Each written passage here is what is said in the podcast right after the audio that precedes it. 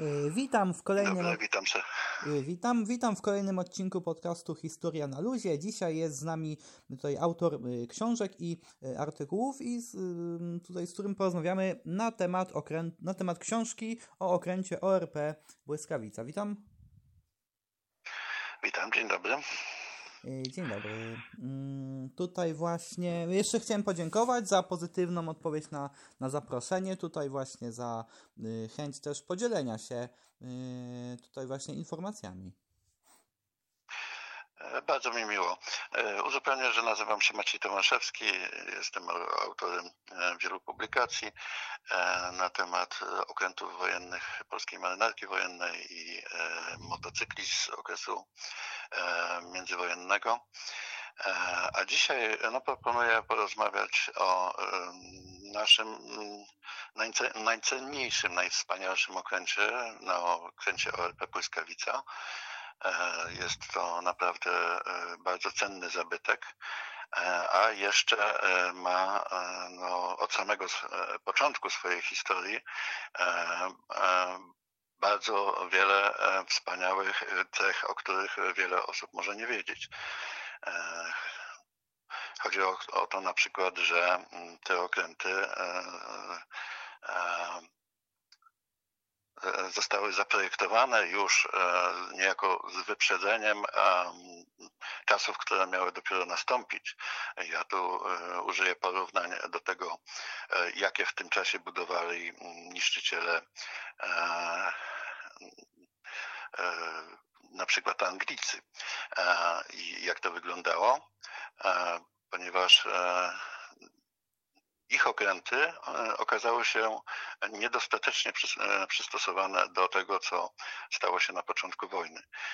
Anglicy sądzili, że przede wszystkim samoloty potencjalnego przeciwnika, bo nie zakładali z góry, że to będą Niemcy, bo nawet jeszcze do, e, w okresie międzywojennym na przykład układali plany e, wojny ze Stanami Zjednoczonymi, widzieli zagrożenie w swoim sąsiedzie Francji, więc to, co się stało w Europie i zmiana układu sił spowodowały dopiero, że e, tym ich przeciwnikiem stały, stała się Trzecia Rzesza. E, więc e, Anglicy sądzili, że samoloty niemieckie będą kierowały się, samoloty wroga będą kierowały się w stronę ich największych okrętów i będą próbowały je zniszczyć. W związku z tym ich niszczyciele nie będą zagrożone. W związku z tym uznali, że mm, artyleria główna e, niszczycieli może osłaniać te ich okręty, e, mając mały kąt podniesienia tylko do 40 stopni i to będzie zupełnie wystarczające. To powiedziało 120 mm i e, w związku z tym same niszczyciele były słabo uzbrojone, bo aż do przez cały okres międzywojenny, aż do typu G czy H te niszczyciele brytyjskie e, były uzbrojone tylko e, w cztery wielkokalibrowe karabiny maszynowe 12,7 mm i Brytyjczycy sądzili, że to zupełnie wystarczy e, do obrony przeciwlotniczej. No i na samym początku wojny bardzo srogo się zawiedli. Natomiast Polskie niszczyciele, właśnie ORP Grom i ORP Błyskawica, które zostały wybudowane e, zresztą w Wielkiej Brytanii na polskie zamówienie, e, zostały od początku e, przystosowane do właśnie do obrony przeciwlotniczej zainstalowano na nich e, dwa stanowiska działu 40 mm Boforsa, które w tamtych czasach miały naprawdę bardzo dobre osiągi, co docenili e, Anglicy dopiero podczas wojny. E, I na przykład w niszczycielach typu Tribal, które pojawiły się w 1938 roku, zaczęli stosować działa 40 mm, ale to były działa Vickersa o słabych osiągach, praktycznie dwa razy mniejszej donośności skutecznej w stosunku do Boforsów, które były na polskich okrętach. I Dopiero właśnie od 1938 roku, najpierw na tych dużych niszczycielach, a od 1939 roku na niszczycielach typu, typu JIK zaczęto takie poczwórne stanowiska tych pomponów, jak ich nazywano, 40 mm stosować, ale jakby to było dopiero no, dość późno i większość, ogromna większość niszczycieli brytyjskich przystąpiła do wojny ze słabym uzbrojeniem przeciwlotniczym. Natomiast my tak bardzo często narzekamy, że Polak to nie potrafi przewidywać, robi coś tam źle albo coś tam i tak dalej. Natomiast konstrukcja naszych niszczycieli, które zamówiliśmy w Wielkiej Brytanii była bardzo przemyślana i to wszystko stało się na życzenie strony polskiej. I oprócz tych e, czterech dział e, Boforsa 40 mm na naszych niszczycielach było jeszcze osiem e, najcięższych karabinów maszynowych kalibru 13,2 mm Hotchkissa. W związku z tym jakby już te same ciężkie karabiny maszynowe były odpowiednikiem tego, co większość niszczycieli brytyjskich miało na swoich pokładach do obrony przed samolotami, e, a nasze niszczyciele miały jeszcze dodatkowo cztery e, dobre działa do obrony przeciwlotniczej. E, inne wyjątkowe rzeczy, o których też się często nie wspomina, to bardzo silna artyleria główna na naszych okrętach.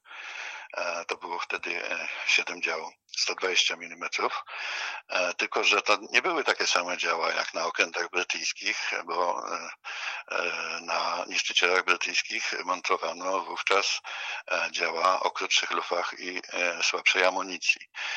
Na przykład nasze działa i tu podkreślę, że to były działa wzór 36 o długości lufy L50, czyli 50, odpowiednika 50 kalibrów tego działa. E, ponieważ w wielu publikacjach jest to mylnie podawane, że albo że lufa była krótsza, albo że e, były to działa wzór 34 przez 36, a w żadnym dokumencie archiwalnym nie znalazłem takiego typu wzoru, e, takiego wzoru działa polskiego więc to działa 36 i te działa na przykład przy kącie podniesienia lufy y, tylko 30 stopni miały e, tą samą donośność do celów nawodnych, jaką miały e, działa brytyjskich niszczycieli przy, przy podniesieniu luf do 40 stopni nabój tego działa był tak potężny, że e, jest takie zdjęcie polskiego marynarza mm, o nazwisku Cygan, e, który e, stoi, prezentował się z dwoma takimi nabojami, które są, sięgają mu aż do ramion, a on niskim człowiekiem nie był. To, to były naboje długości 141 centymetrów. W związku z tym e, ten nabój do działa ładowało dwóch marynarzy. Jeżeli Brytyjczyk na brytyjskich okrętach radził sobie z tym jeden marynarz, to u nas donosiło ten nabój i wkładało do lufy aż dwóch marynarzy, e, bo był dłuższy i cięższy. E, I, i to przy ilości dział siedmiu aż luf gdy na innych niszczycielach z tego okresu montowano e, cztery czy pięć e, dział artylerii głównej, no to był bardzo poważny argument i ze względu na zasięg ognia i ze względu na moc tych dział, no i liczbę tych dział. Także na przykład Niemcy, żeby jakoś tam podkreślić tą jak oczywiście e, było im to wygodne propagandowo, to pod, mówili nawet o tych e, okrętach, że to są krążowniki, nie, nie, nie, nie niszczyciele. No więc e, były to okręty od samego początku bardzo wyjątkowe. Na przykład były też bardzo szybkie. Błyskawica na próbach osiągnęła mm, prędkość e, ponad 40 węzłów, 40,4 węzła. Co prawda Polska Komisja Odbiorcza nie uznała tej prędkości jako taką prędkość rzeczywistą, e, osiągniętą mm, według e, wymagań umownych, gdyż uznano, że Brytyjczycy mm, przeciążyli maszyny. No chodziło tam oczywiście o premie, które ewentualnie stocznia by otrzymała za E, za okręt nieco szybszy niż, e, niż było to wymagane w umowie. No i po różnych tam targach i ustaleniach ustalono, że tak naprawdę prędkość bez przeciążenia maszyn to jest 39,6 węzła. Tymczasem na przykład tribale, czy później, czy już te okręty typu J i K e, brytyjskie e, z 1938-1939 roku e, osiągały prędkości maksymalne 36 węzłów. Natomiast wcześniejsze okręty brytyjskie, niszczyciele, na przykład typu G, do których należał nasz późniejszy mm, niszczyciel ORP Garland, osiągały 35,5 e, węzła. Oczywiście to wszystko dotyczy okrętów nowych, e, które wyszły e, dopiero ze stoczni i były, miały jeszcze czyste kadłuby, nie miały uszkodzeń i tak dalej, więc to oczywiście dotyczyło tylko nowych okrętów, z czasem służby coraz trudniej było osiągnąć takie wysokie osiągi. Tym bardziej na przykład na wzburzonym morzu, bo zazwyczaj były to próby na dość y, łagodnej fali. E, cóż jeszcze mm, wyjątkowego w naszych okrętach? E, no przede wszystkim e, dysponujemy na naszym okręcie ORP Błyskawica. Przede wszystkim posiadamy najstarszy niszczyciel, e, który został zachowany e, na świecie. E, w związku z tym jest to tym bardziej cenna pamiątka. Poza tym jest to też okręt, który nadal jest w czynnej służbie. Jest to taki ewenement, bo większość osób myśli o tym okręcie jako o okręcie muzeum, jakimś pomniku, jakiejś wydmuszce, czymś takim. E, natomiast e, jest to nadal okręt marynarki wojennej, gdzie e, codziennie jest podnoszona i opuszczona bandera marynarki wojennej, na którym pełnią służbę marynarze, prawdziwi marynarze, rzeczywiście należący do marynarki wojennej ale na tym okręcie normalnie nie ma przewodników. Przewodników użycza na przykład Muzeum Marynarki Wojennej i ci przewodnicy oprowadzają wycieczki e, po okręcie. Natomiast załoga okrętu to są nadal e, marynarze, czyli wojskowi. E, I tutaj dam taki przykład, że kiedy mm, potrzebowałem zdjęć do jednej z moich publikacji e, i chciałem e, zrobić zdjęcia kabiny dowódcy okrętu i kabiny zastępcy dowódcy okrętu, to mm, nie zgodzono się, żebym to zrobił ja bezpośrednio, tylko mm, zrobił to jeden z członków załogi, ale z tych pomieszczeń najpierw usunięto drażliwe urządzenia, to znaczy nadal dowództwo okrętu e, posiada nowoczesne środki łączności, którymi kontaktuje się na co dzień ze swoimi przełożonymi. E, w związku z tym uznano to za urządzenia, które nie powinny się znaleźć na zdjęciach e, i zostały one wyniesione na, część, na czas robienia tych zdjęć z tych pomieszczeń. Więc tutaj jest taka ciekawostka, że to jest nadal okręt wojenny w, praktycznie w służbie. Już nie może e, samodzielnie pływać e, e, stoi cały czas przy nabrzeżu, natomiast, natomiast jest to cały czas okręt marynarki wojennej. I tu też mogę powiedzieć jedną rzecz, że mm, jeżeli ktoś z Państwa w tej chwili stanie przy tym okręcie i będzie na niego patrzył, e, to e, od razu znamy sprawcę. Nazywam się Maciej Tomaszewski. Byłem konsultantem e, załogi okrętu podczas ostatniego jego remontu, gdyż dowództwo okrętu, ówczesnemu dowódcy okrętu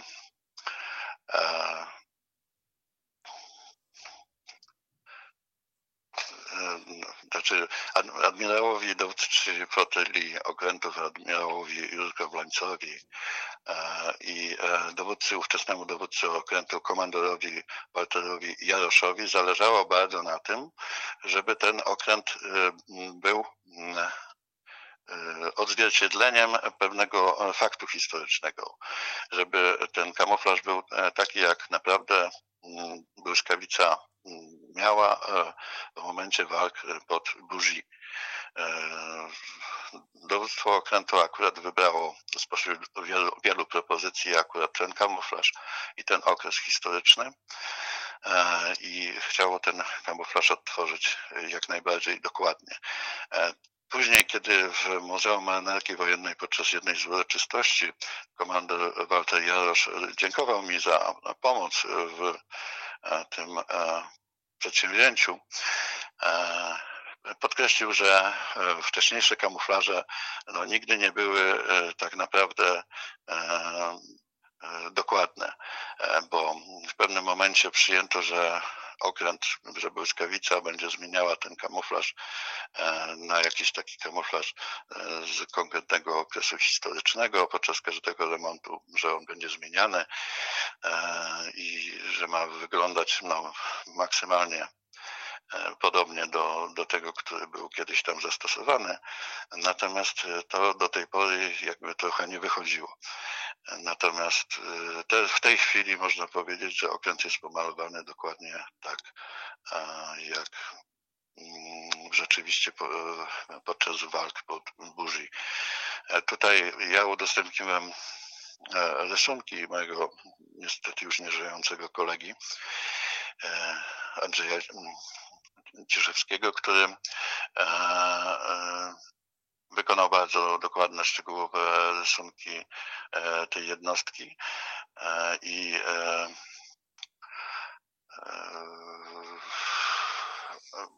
właśnie na podstawie tych jego rysunków w stoczni marynarki wojennej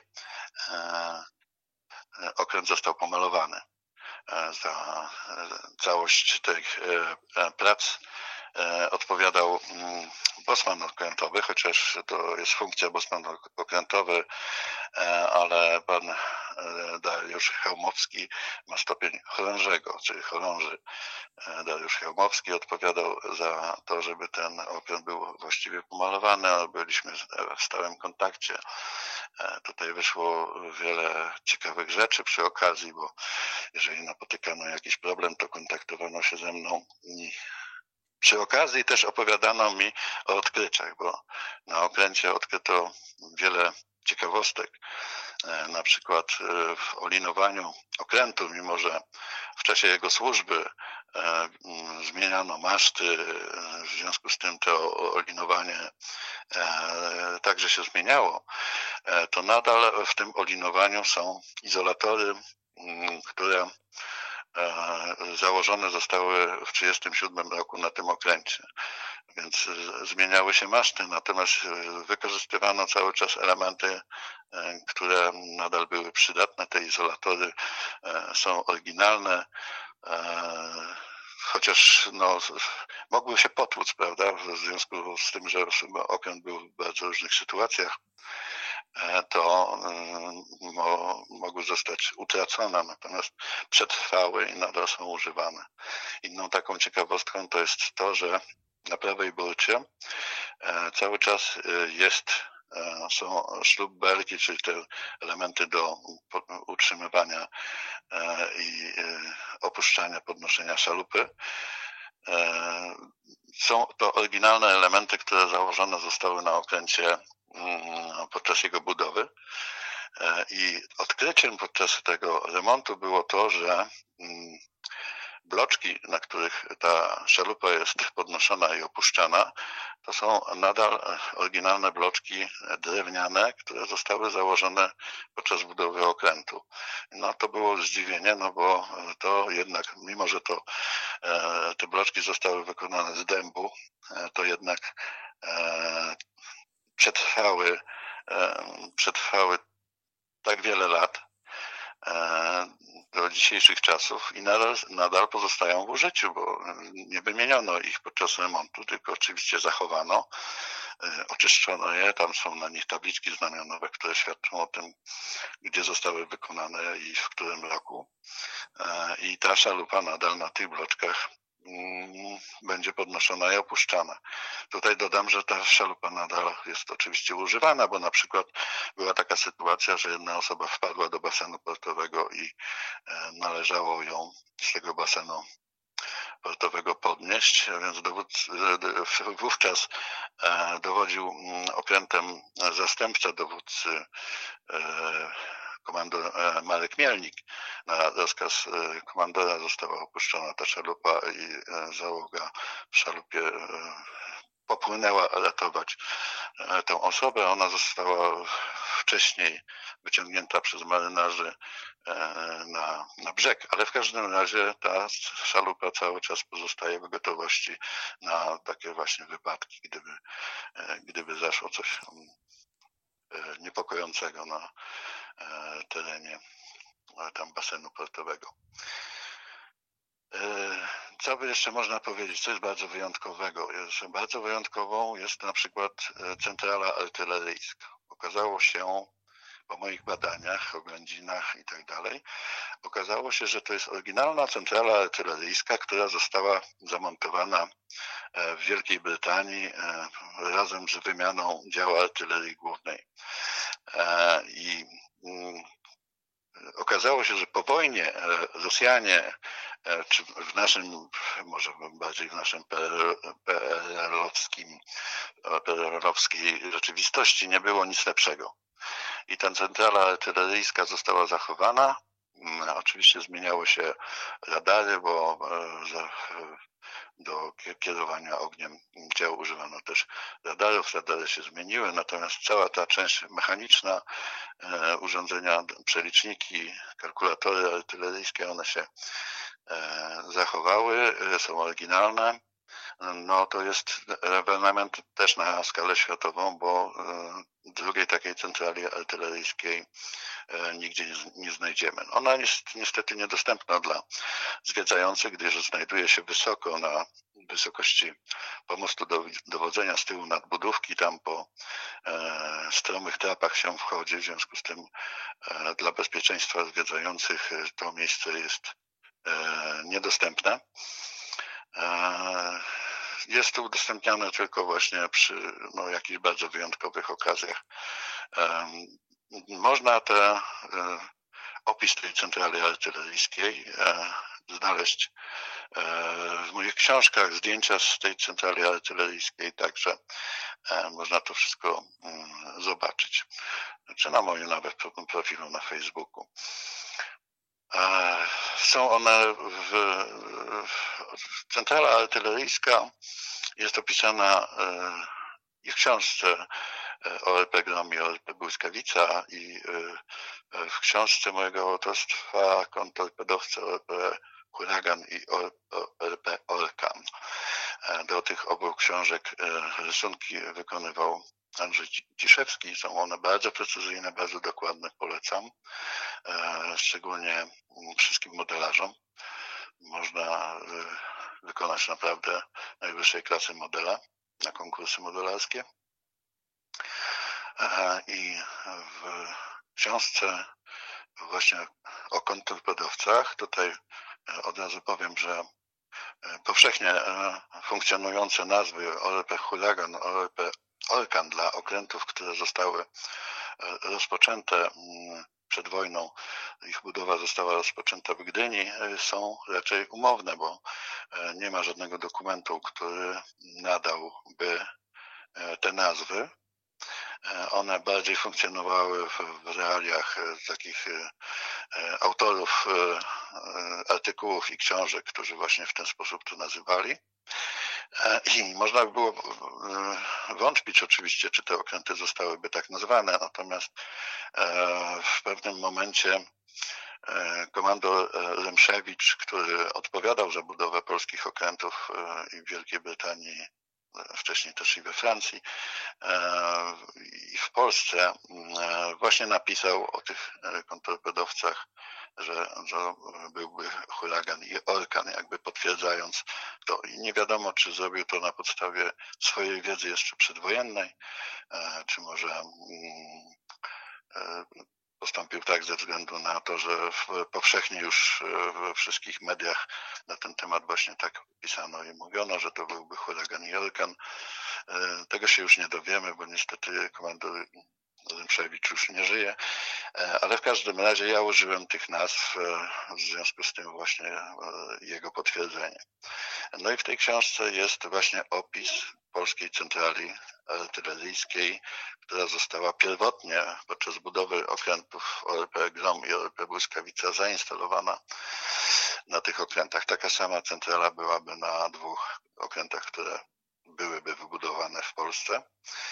E, I e, to jest nasze wielkie osiągnięcie techniczne w sumie, bo mm, co prawda kalkulatory e, artyleryjskie były francuskie, Natomiast całe zintegrowanie tego systemu artyleryjskiego, wszystkie urządzenia inne, przekaźniki informacji, e, system telefoniczny i tak dalej. E, wszystko to zostało opracowane i wykonano w, wykonane w Polsce i później zainstalowane w Polsce. Więc jedy, jakby jedynym takim elementem, chociaż głównym, e, był importowany kalkulator artyleryjski, importowany z Francji, ale mm, no, uważam, że to naprawdę bardzo nie, nie tylko moim zdaniem, ale te, te opinie czytałem właśnie e, od e, osób, e, które mm, zajmowały się budową i służyły na tych okrętach, że to były bardzo udane urządzenia i możemy być z nich dumni. To samo tyczyło zresztą systemu kierowania strzelaniem torpedowym, gdyż wyrzutnie torpedowe były zdalnie sterowane e, z pomostów, e, z pomostu nawigacyjnego, e, tego pomostu po dwóch stronach nadbudówki dowodzenia. Tam w tej chwili znajdują się działa przeciwlotnicze 37 mm, które zostały tam zainstalowane już po wojnie. W tych miejscach przed wojną i e, przez jakiś czas podczas wojny e, znajdowały się właśnie te centrale do sterowania e, wyrzutniami torped.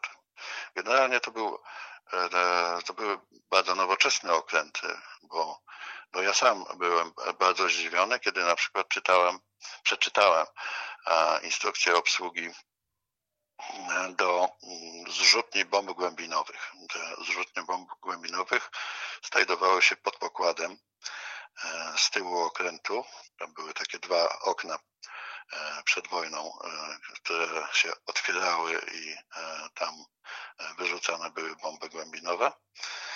Było to urządzenie mechaniczne, napędzane elektrycznie i ono było zdalnie sterowane. Można było nim sterować z pomostu dowodzenia. Awaryjnie oczywiście e, z pomieszczenia, gdzie one się znajdowały, to było pomieszczenie maszyny sterowej na. No, oczywiście to pomieszczenie nadal istnieje tam znajduje się maszyna sterowa i koło, awaryjne koło e, do sterowania okrętem.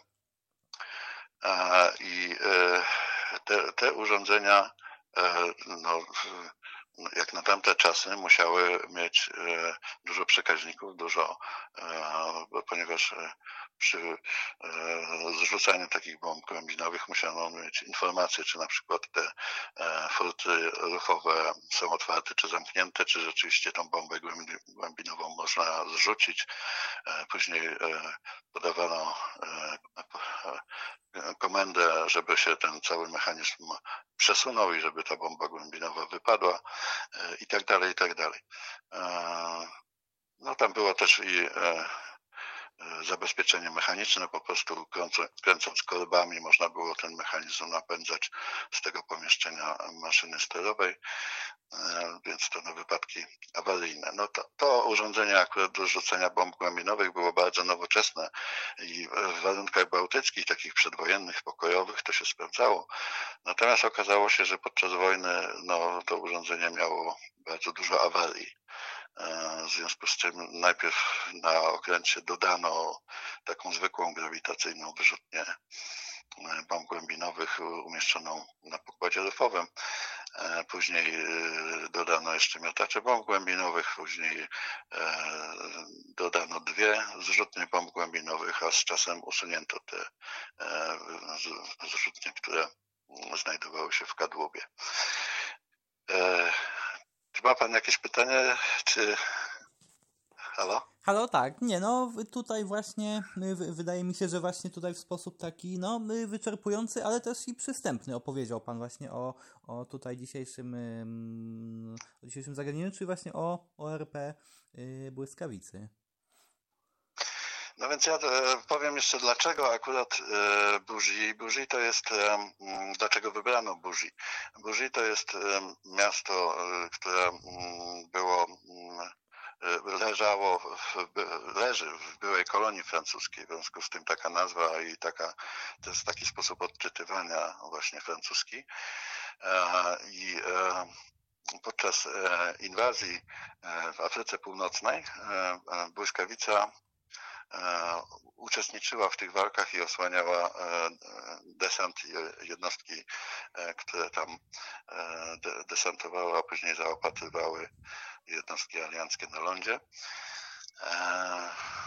I Błyskawica stoczyła tam swoją najkrwawszą walkę. Odniosła tam w swojej historii najcięższe uszkodzenia i najcięższe straty w ludziach. E, podczas walki z samolotami. Mm, I to od razu powiem, bo e, tutaj e, okazuje się, że jest mnóstwo szyderców w internecie, którzy na przykład starają się umniejszyć wartość polskiego żołnierza, wartość polskich okrętów i na przykład spotkałem się z wieloma takimi wypowiedziami, no tak, tam walczyli z naszymi sojusznikami, tak, i nasi sojusznicy nam okręt uszkodzili. E, my nie walczyliśmy tam z Francuzami.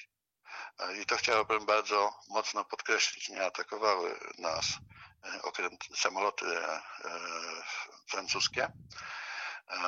Wprost przeciwnie, z racji polskiego mm, dowódcy okrętu E, z jego meldunku wynika, że po tych ciężkich uszkodzeniach i po e, wysokich stratach w zawodze e, błyskawica weszła do burzy, żeby zdać na ląd tych najciężej rannych, żeby udali się do szpitala, bo potrzebowali pilnie pomocy.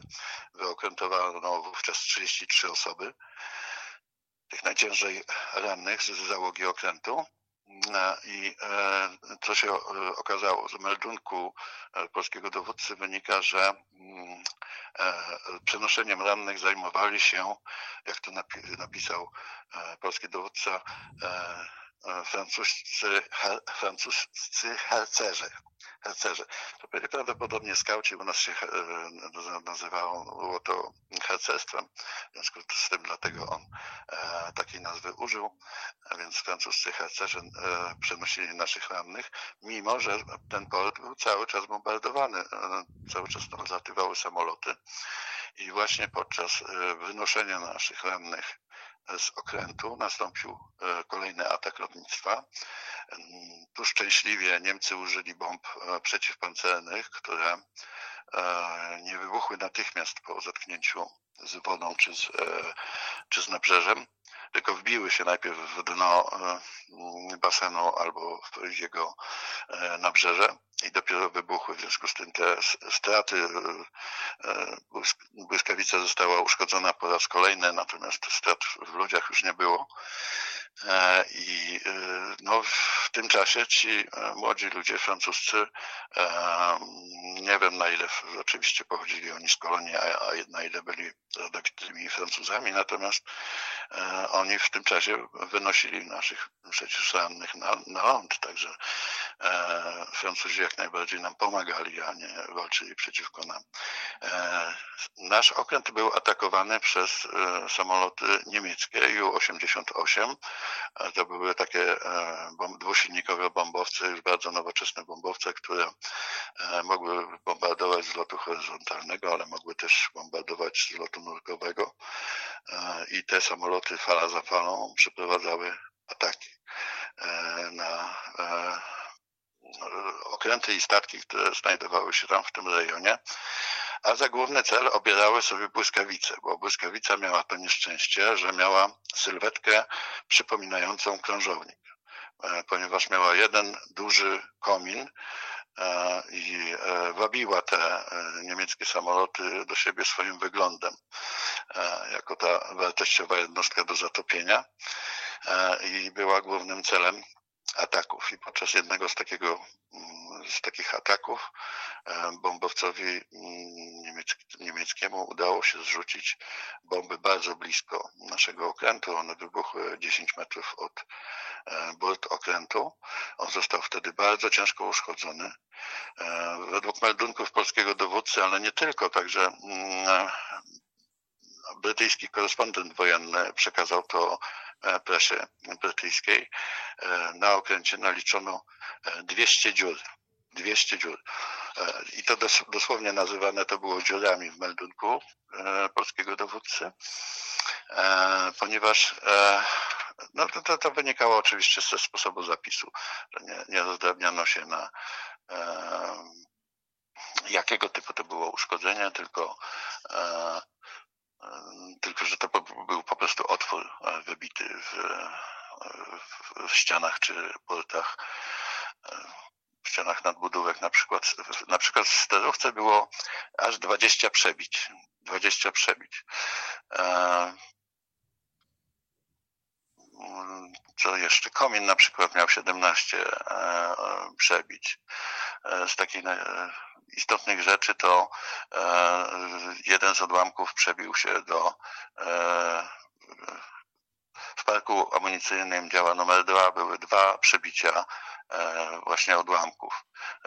Dobrze, że nie doszło oczywiście do wybuchu tego parku amunicyjnego. Uszkodzone były i kotłownie, i maszynownie, i też odłamki dostały się do komory amunicyjnej numer 4 i numer 3, czyli tych rufowych. I na, na okręcie zginęło wówczas, bo też tutaj autorzy różnych opracowań podają różne dane. Wynikało to z tego, że ci marynarze nie zostali takie jednorazowo zdani, przekazani na ląd. W burzy właśnie wyładowano 33 osoby e, ranne, natomiast na pokładzie mm, pozostało e, jeszcze sześciu e, nieco lżej rannych marynarzy, których wyładowano w Gibraltarze, no, a jeszcze trzech marynarzy takich naj, najlżej rannych pozostało na pokładzie i było leczonych siłami lekarza okrętowego. Więc w sumie mm, e, imiennie wymienia się 42 marynarzy, którzy, którzy zostali rannych. Przy załodze okrętu, tam ponad 200 osób, to e, no, można sobie to procentowo wyobrazić, jak wielkie to były straty. Do tego stopnia, że na przykład podczas przemarszu z Afryki do, na Gibraltar E, nieobsadzone było stanowisko działu numer 4, czyli te rufowe stanowisko e, artylerii głównej, e, ponieważ zabrakło marynarzy, żeby obsługiwać działo i komorę amunicyjną. W związku z tym tych marynarzy ocalałych przesunięto do obsługi pozostałych stanowisk. I, i no, dość długo mm, trwało usuwanie strat i skutków tego tego ataku. No, najważniejszym było to oczywiście, że e, na pokładzie okrętu no, zginęło e, dwóch polskich marynarzy. E, starszy marynarz Grzebień Tadeusz i marynarz ochotnik Jagna Władysław oraz zginął brytyjski sygnalista E, nie wiem czy dobrze wymówię, Cyket Geoffrey. Geoffrey. E, oni zostali pochowani w morzu e, podczas przemarszu z jednej bazy do drugiej. Podczas marszu dokładnie z Buzi do Algieru. Jest znana oczywiście pozycja tego pochówku. I jest jeszcze jedna rzecz, niestety jeden z marynarzy mm, zmarł jeszcze w szpitalu w Buzi. Madł Władysław Muserowicz zmarł z ran i został pochowany w Buzi. Więc śmiertelne straty wśród załogi okrętu to były cztery osoby, w tym jeden brytyjski sygnalista. No i to były te najtragiczniejsze z losów polskiego okrętu. I nie wiem, czy na tym będziemy kończyli ten odcinek, czy opowiedzieć jeszcze o czymś innym? Myślę, że możemy tutaj właśnie na dzisiaj zakończyć, no bo tutaj mamy już 40 minut właśnie, czyli taka dosyć, dosyć tutaj, dosyć solidny też odcinek, jeżeli chodzi o też długość, no i o przekazane informacje. No i jeszcze raz chciałem podziękować tutaj za właśnie wzięcie udziału w y, audycji, właśnie też y, za, za przekazanie wielu informacji i dziękuję też słuchaczom za wysłuchanie dzisiejszego y, odcinka. Jeżeli będzie zainteresowanie tym odcinkiem i ewentualnie mm, e, będą Państwo chcieli jeszcze usłyszeć coś, e, to może bardzo ciekawymi wydarzeniami były wydarzenia podczas e, obrony Chaos. E, jest tam też takich informacji, które o których Państwo mogą nie wiedzieć. Ja to opisywałem w swoich książkach, ale zapewne nie wszyscy je czytali. Ja ten temat też mogę rozszerzyć, bo jest tam też wiele ciekawych innych informacji z tym związanych. Ja dziękuję w takim razie bardzo. Wszystkiego dobrego. E, powodzenia w dalszym tworzeniu podcastu. A dziękuję.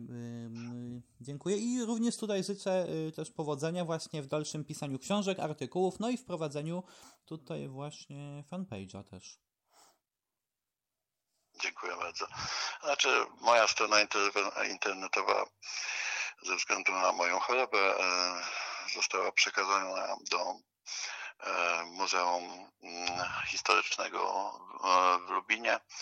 Muzeum Historyczne w Lubinie podało się nadal ją e, kontynuować i no i nadal będzie dostępna. Tam Państwo też znajdziecie ciekawe informacje na temat okrętów, ale nie tylko, bo też i e, na temat e, polskiej armii na zachodzie, polskich, polskich sił zbrojnych na zachodzie, organizacja, e, umundurowanie, uzbrojenie i wiele innych rzeczy. Jeżeli chodzi o stronę, to jest www.army 1914, myślnik 1945 org.pl. Tam się ukazuje, że strona jest niezabezpieczona, ale ona jest bezpieczna i można z niej spokojnie korzystać. Mm, jasne. I tak jak jeszcze raz tutaj mm, właśnie y, dziękuję i y, jak ja to zawsze mówię, to by było na tyle i do usłyszenia w następnym odcinku. Dziękuję, do usłyszenia.